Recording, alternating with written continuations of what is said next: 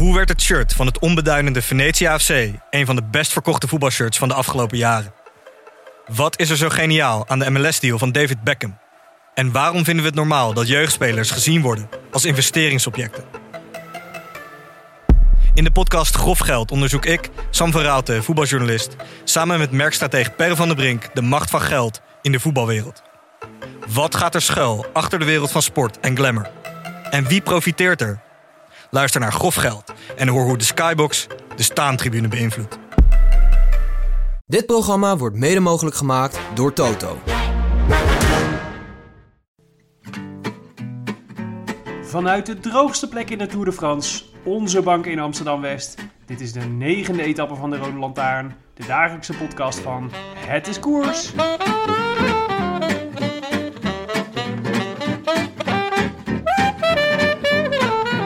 Vandaag alweer de negende etappe van de Tour de France 2016. En wat voor etappe? Wij praten u elke dag bij. Mijn naam is Willem Dudok. Tegenover mij zit Tim de Gier. Tim, papa kan wel janken. Willem, wat een etappe vandaag. De zwaarste rit in de Pyreneeën. Vanaf het eerste moment werd er geklommen. Er gebeurde eigenlijk niet bijzonder veel. Tot de laatste klim. In de regen. Dat maakte alles goed. De glorieuze wederopstanding nadat hij gisteren al zijn ellende eruit gepoept heeft. Een fantastische Nederlandse overwinning van Tom Dumoulin. Die linkerarm gaat van Tom Dumoulin. De man uit Maastricht, 25 jaar oud is hij. Hij is geboren op 11 november 1990. En hier pakt hij toch wel de allermooiste zegen uit zijn loopbaan. Want echt waar, die zegens van vorig jaar in de Vuelta... die kunnen hem gestolen worden. Tom Dumoulin wint een etappe in de Tour de France. We hebben er weer eentje. Na Lars Boom, na Pieter Wening. Hier komt hij over de streep. Tom Dumoulin wint de etappe op Arcalis. I wish I could be in the south of France.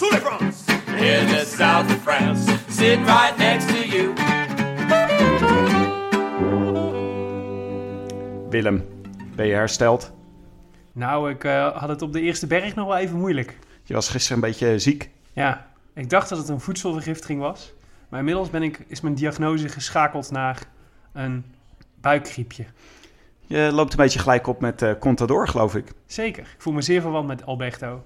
Nee, het, eh, het ging wel weer. Na een twee, twee bergjes en, en nadat ik onze Tom zag demareren... toen verdween de ellende als sneeuw voor de zon. En dan heb je ook nog een rustdag hè, morgen om te herstellen. Daar eh, zie ik erg naar uit. Het was, Maar toch geen mosselparty voor mij, denk ik. het, was een, eh, het was een beetje de omgekeerde wereld vandaag. Eh, het was, hier was een soort benauwd zonnetje buiten. Ja. En het regende in de Tour. Ja, ja, het was natuurlijk het grootste dag. Deel van de dag was het super droog. Alleen alles werd goed gemaakt door een soort, een soort donders, donderbui op de allerlaatste berg. Die het wel een en ander stuk heroïs maakte, eh, nog heroïscher maakte dan het al was. Ik zag jou kwispelend toekijken. Ik, eh, ik werd heel enthousiast. Wat vind Ja. je zo mooi aan de regen in de Tour? Het allermooiste van regen in de Tour is, denk ik, toch de manier waarop de koplampen dan zo mooi over de weg schijnen. Dus dan heb je zo, krijg je een soort, heel mooi strijklicht, zoals je in Amsterdam ook wel eens over het water hebt, weet je als je na, namiddag in de zomer hebt. Maar dat heb je in de Tour ook als het, als het heel slecht weer is, dan komt zo'n laagje water over de weg en je ziet die koplampen. En die schijnen dan vaak zo net op de, op de kuiten van de renners. En dan zie je ze helemaal zo mooi geboetseerde, van die mooi geboet. Oh, ik kan hier een uur over doorgaan. Het is alsof we weer naar die eh, Skill Shimano documentaire aan het kijken zijn. Precies. Ja. ik ga dadelijk weer bakviskreetjes slaken. Je pakte op een gegeven moment zeer dramatisch mijn arm vast en zei nou, kijk nou naar die kuiten van Moulin en de koplampen van de ploegwagen die erachter zit. Ja. Ploegleiderswagen. Ja, ik- het is prachtig. Het is echt prachtig. Willem, hebben we nog, eh, nog rectificaties? Vast, Tim. Vast hebben we heel veel rectificaties. Maar wat doet het er allemaal toe op zo'n dag als vandaag? Laten we verdeurie snel naar de etappe gaan.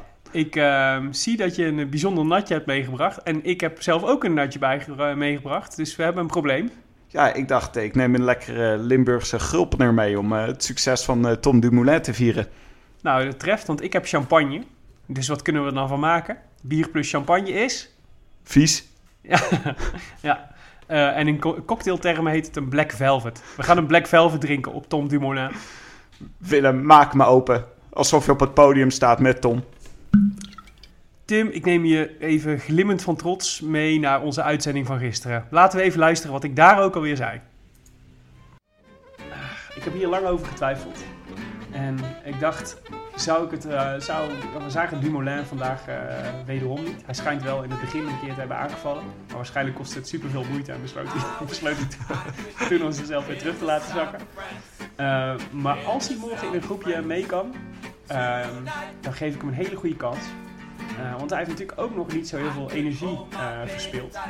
En ehm Laurens ten Dam moet volgens mij bij Barguil blijven. Dus dat is al, dat is, en volgens mij heeft Dumoulin dus een beetje een, een vrijere rol. Eh, dus ik, ik dacht Dumoulin zou kunnen.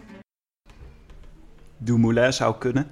Dumoulin zou kunnen. Ik vind dat ik hier het scenario aardig heb uitgetekend, Tim de Gier.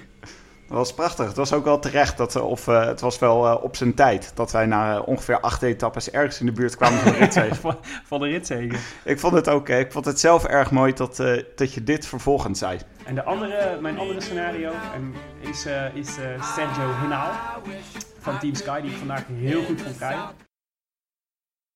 Ja, maar Tim, iedereen weet dat ik Sergio Hinal alleen maar noemde om Crowded House te kunnen draaien. Oh ja, en uiteindelijk werd het hiermee beslist, Willem. Dus eh, ik ga denk ik toch voor Hinau. Ja, ja, ja, ja. We hadden het weer fout. En, eh, maar velen met ons gelukkig. En ik ben blij dat ik het fout had. Want eh, ik ben een gelukkig man. Ondanks een slechte voorspelling. Nou, het zag er niet eh, de hele dag zo uit. Want het begon weer eh, gewoon zoals we het eh, de laatste dagen de hele tijd hebben gezien.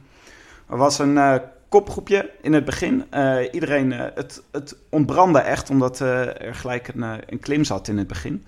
En iedereen wilde meezitten met de ontsnapping. Ik zag zelfs dat Contador en Valverde het even probeerden. Ja, interessant was dat. Ja, dat maakt het meteen vanaf, vanaf het begin een interessante etappe. Een Contador die volgens mij ging om zijn, zijn benen te testen. Dat bleek achteraf in ieder geval wel. En Valverde die volgens mij eh, even ploegbelang uit het oog was verloren. Die was het heel even kwijt. Die was heel even vergeten dat hij, eh, dat hij toch vooral een tour is om Quintana te helpen en niet per se voor eigen succes moet gaan. Er leek ook even getelefoneerd te worden. Hè? Alsof eh, hij zakte al snel weer terug. Ja, ik, ja zeker. Nou, kijk, je zou kunnen zeggen dat het nog een soort tactiek was dat ze Valverde dan vooruit sturen, zodat als het eventueel losgaat, dat, ze dan, dat Valverde dan vooraan rijdt. Maar ehm, eh, eerlijk gezegd denk ik dat het gewoon eh kwaaie wil van, van Valverde zelf was.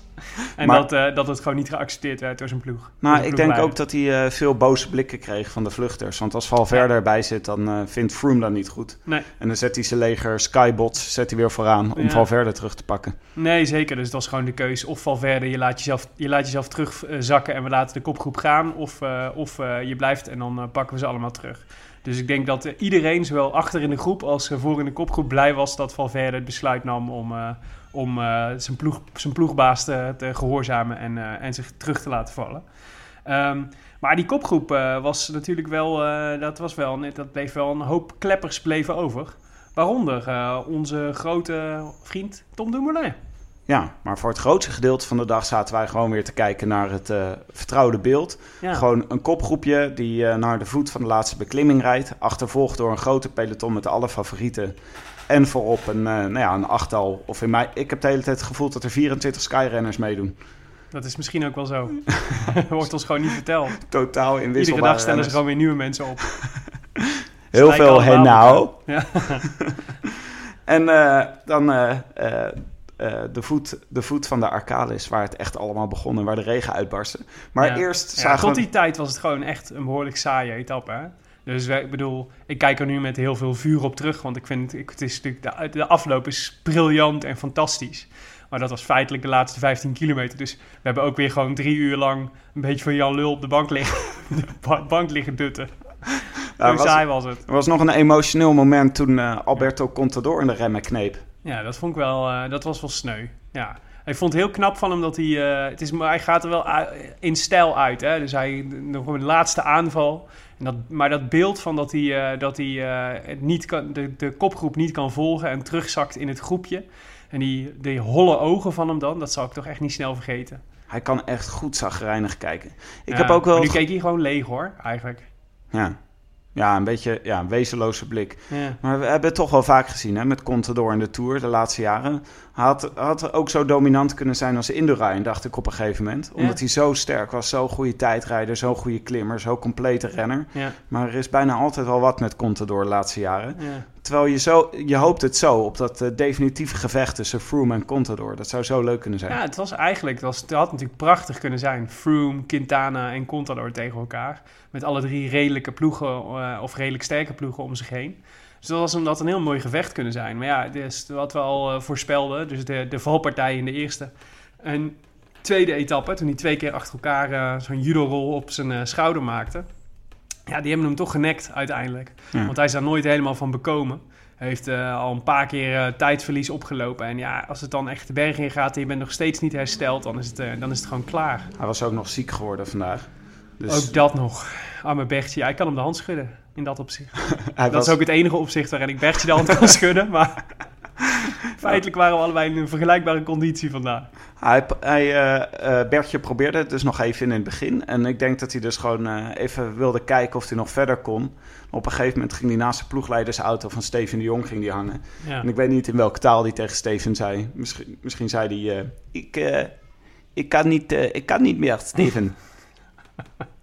Sorry. Oké. Eh, de kopgroep, laten we die even beschrijven. Wat, zit er, eh, wat, zat er, wat zaten er voor mensen in die kopgroep? Naast Dumoulin.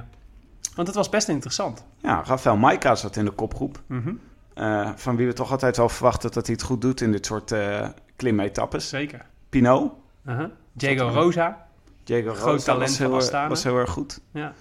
Het was een... George Bennett van Jo- team Lotto Jumbo. Ik schrok heel eventjes. Ik zag die eerste groep wegrijden van een man of 30 en bij de, bij de voet van de eerste klim. En ik dacht, zou, is het, het zal toch niet gebeuren dat gewoon bij de, de- een groep van 30 renners wegrijdt en dat er geen enkele team Lotto Jumbo renner in zit. Maar gelukkig was daar George Bennett die zich een beetje had verstopt en die toch bleek om eh, mee, te, mee te zitten in de kopgroep. Hij rijdt goed, hè? George Bennett. Ja, ja. Kan lang de laatste mee. dagen zit hij er goed, eh, zit er goed bij. Net niet, net niet eh, topniveau nog, maar hij hangt er net achter. Ja, dat is knap. Is veelbelovend. Eh, de kopgroep eh, die deed het eigenlijk lange tijd, eh, was vrij georganiseerd. Ja. Eh, totdat er op een gegeven moment een soort eh, totale ellende van, eh, van demarages plaatsvond. Ja, het werd een soort juniorenkoers die ze gingen rijden. Het alleen maar, achter, alleen maar achter elkaar aan en, en nieuwe demarages. Ze hadden natuurlijk ook best een voorsprong. Hè? Toen- Volgens mij hadden ze, was die opgelopen tot een minuut of negen. Dus ze hadden ook wel wat, wat te makken, zeg maar. Maar het was wel, ja, het zag er niet meer uit op een gegeven moment. En, en ik denk dat dat bij heel veel renners ook echt heel veel kracht heeft gekost. Ja. Ja, eh, Dumoulin die zat, eh, die zat er toen nog vrij... eh, ik vond dat hij er vrij soeverein eigenlijk bij zat. De ene laatste berg Mhm. moest Dumoulin lossen. Ja, en leek hij eigenlijk het, het groepje niet bij te kunnen houden. nee. Maar bij Dumoulin weet je nooit... Je weet nooit zeker of hij echt moet lossen... of dat hij gewoon zijn eigen tempo rijdt... en besluit om niet... Ja, als hij kan, dan doet hij dat laatst. Nou, hij zei volgens mij ook na afloop, zei hij dat hij eh, had besloten om niet met al die aanvalletjes mee te gaan en mee te doen. Omdat hij had bedacht, die laatste berg, dat wordt er nog wel eentje waar je veel eh, energie kwijt, eh, waar, die heel veel energie gaat kosten. En al die energie die je nu gebruikt om telkens achter iedereen aan te rijden of te demareren, die kun je daar niet, die kun je niet gebruiken om die berg nog hard op te rijden. Nou ja, met eh, terugwerkende kracht blijkt dat een briljant, briljante beslissing van Tom. Ja, wij, eh, wij wisten er ook niet. Wij wisten ook niet helemaal wat we ervan moesten verwachten. Want hij zat er wel bij en we, we hadden wel. Ja, We dachten het zou wel kunnen, maar hij klaagde zelfs zo de laatste dagen dat je niet wist of hij echt moest lossen. nee. Of dat hij gewoon volwassen was op zijn 25ste. Nee, maar tegelijk denk je wel weer. Ja, kijk, hij, heeft zo, hij is natuurlijk zo'n renner die zo, eh, zichzelf, zo goed zichzelf kent. Dus ook, weet je, met, met terugwerkende kracht, als je al die uitspraken van de afgelopen dagen hoort. Bijvoorbeeld over dat eh, ik, eh, ik ga alleen mee in een ontsnapping als ik ook eh, ervan overtuigd ben dat ik kan winnen. Weet je wel, het, eh, je kunt zeggen dat is, dat is arrogant of het is vervelend, want, want we willen toch gewoon, we willen, soms weet je het niet of je kunt winnen, dus je moet ook wel eens een gokje wagen. Maar achteraf, met terugwerkende kracht, is het natuurlijk, ja, hij heeft geen, geen druppeltje energie te veel verspild, uiteindelijk. En dat was misschien wel wat hij nu over had. Want laten we eerlijk zijn, zijn voornaamste concurrent in die groep, Rafael Maika, die hebben we de afgelopen dagen alleen maar in de aanval gezien. Nou ja, hartstikke leuk. Maika heeft het voor ons nog een beetje interessant gemaakt achter de televisie. Maar heeft hij nou gewonnen? Uiteindelijk niks. Ja. Nee, niks. Niks heeft hij gewonnen. Niks Willem. Maika zit er helemaal naast. Maar Dumoulin die zei ook, ja, ik ging gewoon af en toe ging ik gewoon even op kop rijden om, eh, om gewoon mijn verplichte, mijn verplichte metertjes te doen. Ja. Maar van veel betekenis was het niet, want hij reed niet heel hard. Oh, ik, ik word helemaal warm van binnen als je dit zegt. Zo slim, hè? Zo slim. Zo slim, wat een man. Ja, en hij is ook al zo knap. En toen eh, onderaan eh, deed hij eh, de demarage, onderaan de bergen, aan de voet van de laatste Ja. beklimming. Ja, ja, goed moment. De vals plat. En op een moment dat er al volgens mij een aantal demarages waren geweest. Hij had ook al, ik zag hem ook al één keer iemand terughalen. En het was een soort nog een beetje vals plat omhoog. En, en hij kwam weg.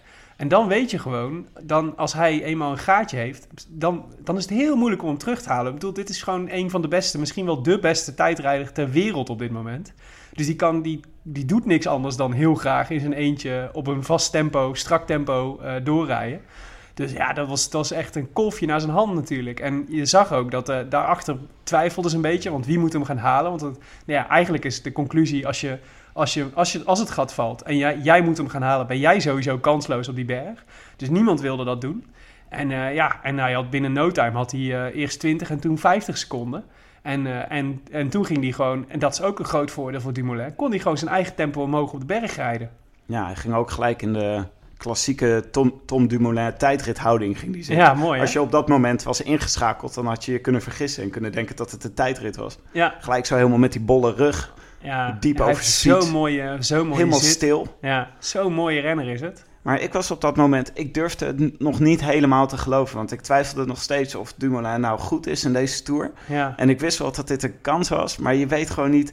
Je ziet die grote bergen aan het einde zie je aankomen. En op dat moment hoorden we dat het daar regende. ja, En dat het eh, dat nog extra moeilijk zou maken.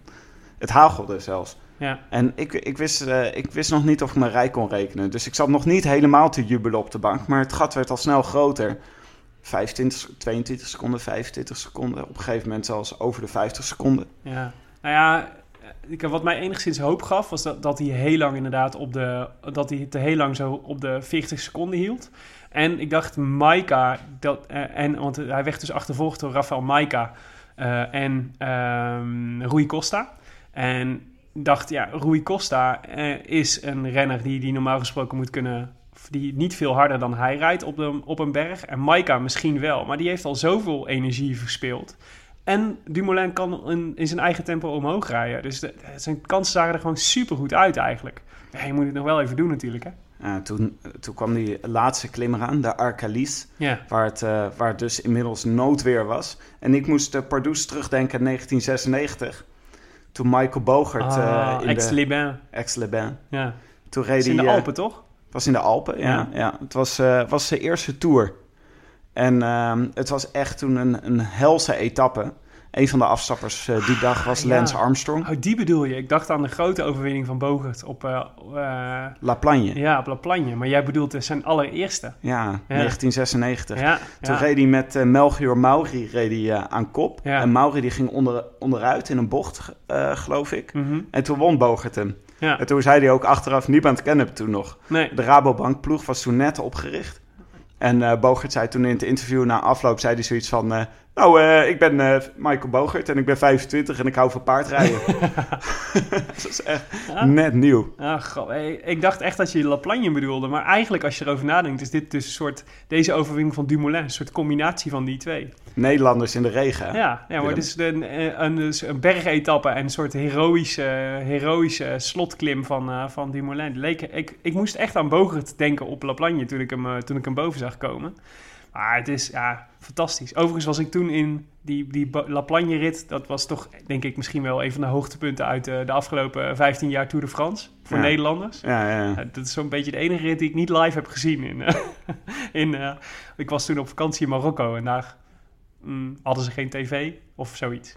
En zo, dus dit was de eerste Nederlandse overwinning in een, in een grote bergrit die je gezien hebt. Ja, in de Tour? Ja, misschien wel live. Nee, ik heb ze- Ro Rooks en Teunis was ik natuurlijk ook al wel bewust bij. Maar niet zo bewust als, eh, als, eh, als nu.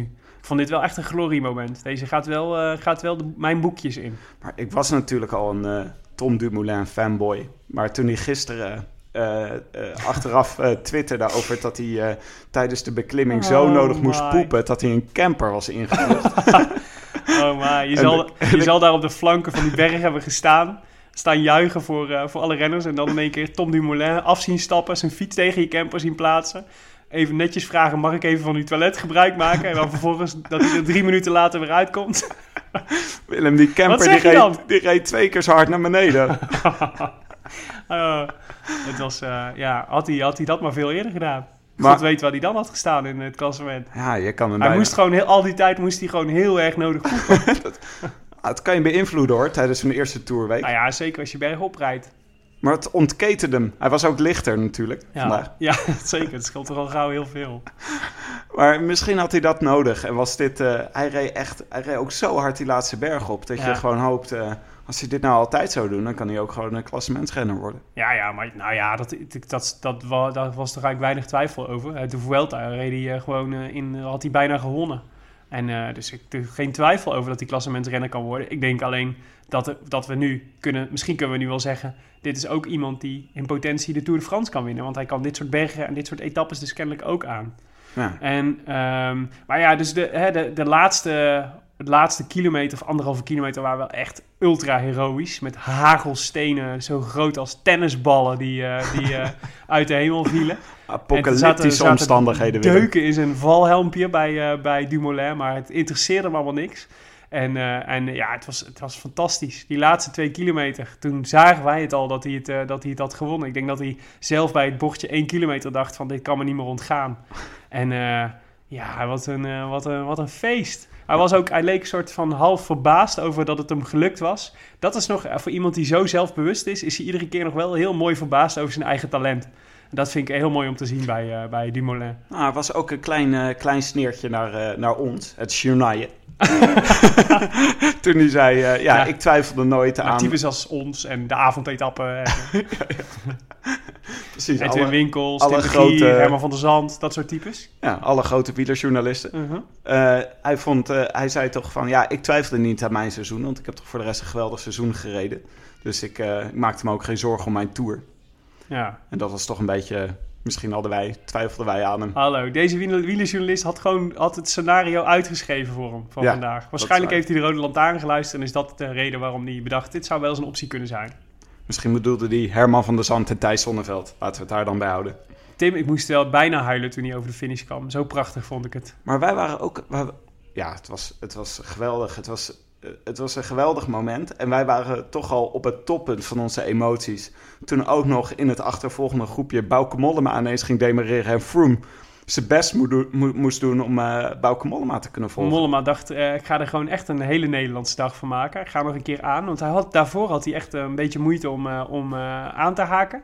Maar op zijn Mollema's, het ziet er bij Mollema ook echt al, letterlijk altijd uit alsof hij eh, in een, op een Gronings polderweggetje tegen de wind in aan het fietsen is. Hè? Of hij nou zeg maar vijf- 15 eh, procent aan het stijgen is of, eh, of aan het dalen. Het is altijd stoempen wat hij aan het doen is. Oh, voor mij is het inmiddels ballet. Als ik hem zie, dan, ik ben zo trots op wat Mollema hier deze Tour doet. Hij was helemaal niet zo goed voorafgaand aan de Tour. Er gingen ook wel wat dingen mis. Ja. Maar ik had niet verwacht dat Mollema zo goed kon meerijden. En ik, ik dacht ineens, één voor één vielen alle favorieten aan. Op vielen Froome aan. Froome viel zelf ook aan, Ja. maar kon, eh, kon geen gaatje slaan. Ik dacht ineens, Froome is misschien wel helemaal niet zo goed deze Tour. En Mollema is, eh, is, is wel goed. Mollema gaat gewoon de Tour winnen, Willem. Oké, nee, laten we... Hij, nou ja, kijk, hij, het is natuurlijk, het is, hij staat uiteindelijk nu gewoon zevende op 44 seconden van Froome. Ik denk niet dat hij Froome gaat verslaan, maar er ligt wel echt... Hij heeft wel dikke kans. Als je kijkt ook wie er boven hem staan en wat er nog over is aan mensen... dan denk ik, nou, hij heeft echt wel kans om, eh, om eh, top 5 te rijden. Eh, en het is natuurlijk van alle mensen die nu in die top 7 staan, of die top 10 staan... zijn er maar weinig die, soort, die al bewezen soort... ehm eh ausdauer hebben, dat ze dit ook drie weken kunnen volhouden. Dus Adam Yates bijvoorbeeld, die jongen die nu tweede staat, dat is, de, dat is een hele jonge, jonge, jong talent. Een hele, hele talentvolle renner. Dat bleek vandaag ook weer. Ik moet nog maar zien of dat hij drie weken lang op dit niveau kan presteren. Nou, Mollema heeft dat al twee keer eerder laten zien dat hij dat kan. Dus misschien zit er zelfs nog wel wat meer in dan, eh, dan eh, top 5 van Mollema. En het zou natuurlijk echt, dat zou echt geweldig zijn als hij, eh, als hij het podium haalt. Dan, dan is dat is wel echt de moeite, vind ik. Het wordt interessant, het eh, gespeculeer over de, over de Tour, over Ja. de duur van de Tour. Want Quintana die heeft dus echt eh, eigenlijk geen moeite genomen om Froome echt substantieel aan te vallen vandaag. Volgens mij heeft hij zelfs niet eens proberen te demereren, terwijl op een gegeven moment iedereen demereerde. Ja. Ehm, het zou natuurlijk kunnen dat Quintana vorig jaar werd hij sterker naarmate de Tour vorderde en Froome werd minder sterk. Ja. En toen zei iedereen, oh hij is te laat begonnen met de aanvallen. Ja. En misschien rekent Quintana er zelf nu ook op. Als Froome nu niet zo goed zit en de Tour duurt nog lang... Ja. bewaart hij gewoon eh, zijn krachten tot de Alpen. En misschien vooral tot de Mont Ventoux. Grappig hè, dat sommige renners dat hebben. Kruiswijk heeft dat dus ook. Dat hij dus beter wordt in de derde week van de Tour. Dus heeft, het zijn gewoon jongens die, nou ja, niet per se beter, maar minder verval dan alle anderen. Daar kun je dus enorm veel voordeel bij hebben. En kun je dus ook op speculeren op het moment dat je in de eerste week zit. Dat je in de derde week beter zult zijn en je concurrenten slechter. En dat je dan dus beter kunt wachten tot met aanvallen tot dat moment. Dat vind ik heel interessant. Maar wij doen dit voor het eerste jaar dit jaar, Willem. Maar ik vind, eh, ik vind jouw conditie tot nu toe tijdens de eerste Tourweek... ik heb het gevoel dat hij alleen maar slechter wordt. ja, ja, ik ben echt heel erg toe aan een rustdag. Gelukkig hebben we die morgen. Eh, what's next voor, eh, voor Dumoulin? Die laten ze niet meer rijden, denk ik, in de komende, in de komende dagen.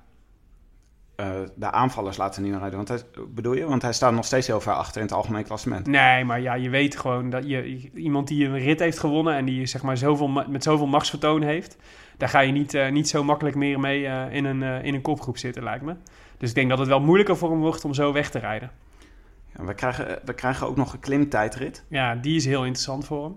Dus Ja. en daar, daar ja. is, dat, is het echt een klimtijdrit? Echt een zware klimtijdrit?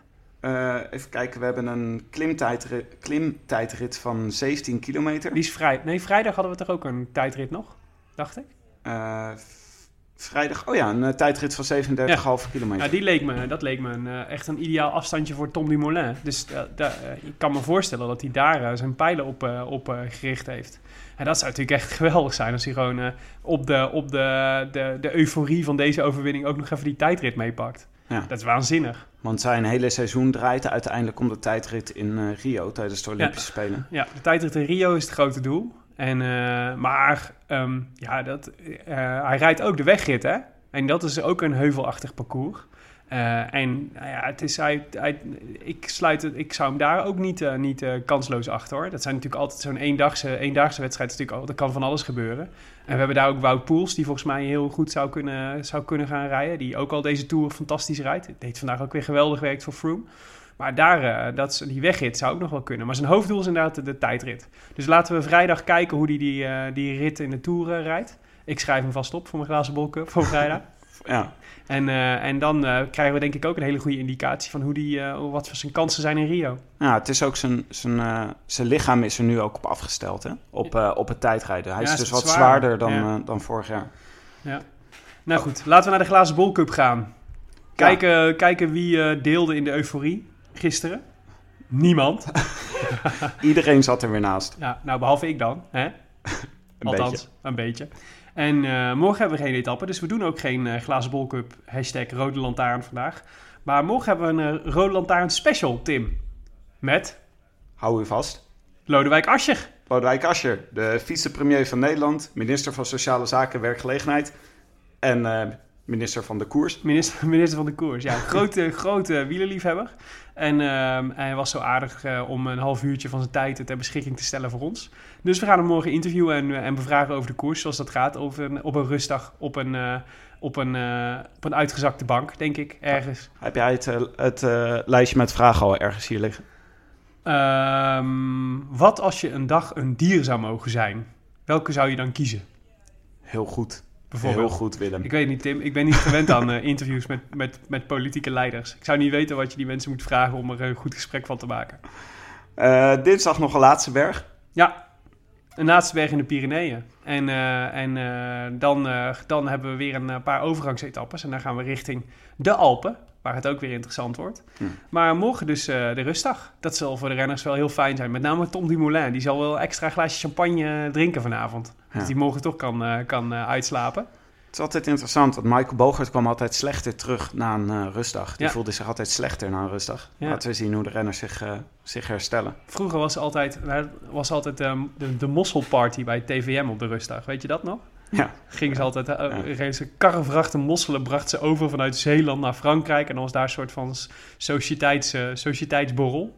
En, eh, en met, de renners mochten natuurlijk geen mossels, want dan kregen ze voedselvergiftiging. Maar alle andere hoogwaardigheidsbekleders wel. En ik blijf het toch, vind het nog steeds jammer dat die is afgeschaft. Want dat, dat was echt dat was de ideale plek voor een, voor een thema-uitzending voor ons, Tim. De mosselparty bij TVM. Niemand heeft hem overgenomen. Het is nu niet de mossels, mosselparty van Sky. Nee, volgens mij niet. Nee. Sushi party bij Astana. ik wil er niks van weten. Ik wil er niks van weten. Oké. Dit was hem. Weer. Etappe 9. Een glorieuze etappe van de Rode Lantaarn. Gepresenteerd en geproduceerd door Willem Dudok en mijzelf. Eh, Willem Dudok en hem, Tim de Gier. En eigenlijk vooral door Tom Dumoulin met zijn overwinning. Met dank aan hetiskoers.nl, de wielerblog van Nederland en Vlaanderen. En dank aan Johnny Wonder, communicatiebureau voor het digitale tijdperk, voor de ondersteuning. En aan Tom Dumoulin voor de overwinning. Wil je reageren op deze uitzending? Via Twitter zijn we te bereiken via Willem Dudok, Tim de Gier en Tom Dumoulin. Vind je het leuk wat je hoort? Help ons dan eventjes. Laat bijvoorbeeld een recensie achter op iTunes. Dat deed Anne Ardon ook deze week. Uh, terwijl de Rode Lantaarn natuurlijk voor geen meter aan de Bechdel-test voldoet. Uh, toch citeren we er eventjes. Tim? Uh, ja, we vonden, we vonden de recensie een beetje laat. Het was een recensie van 8 juli.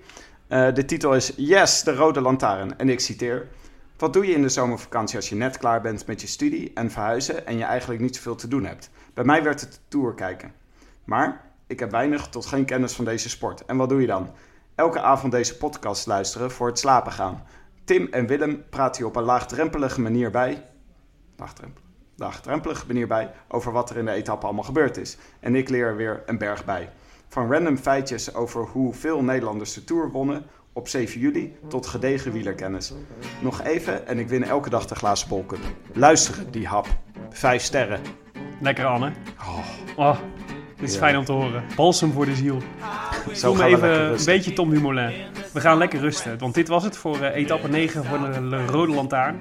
Morgen dus rustdag, maar we moeten vroeg op om uh, Lodewijk Asje te treffen. Dus Tim, ik hoop dat je fit bent. Ik hoop dat jij fit bent, Willem. En uh, dan hoort hij het morgen van ons hoe het is afgelopen. En welk dier Lodewijk Asje zou willen zijn als hij de kans had om een dag een dier te zijn. Lang leven Tom Dumoulin, Willem. Lang leven Tom dag. Dumoulin. A biento, Tim. A biento. A biento, Tom. I wish I could be in the south of France. In the south of France, sitting right next to you.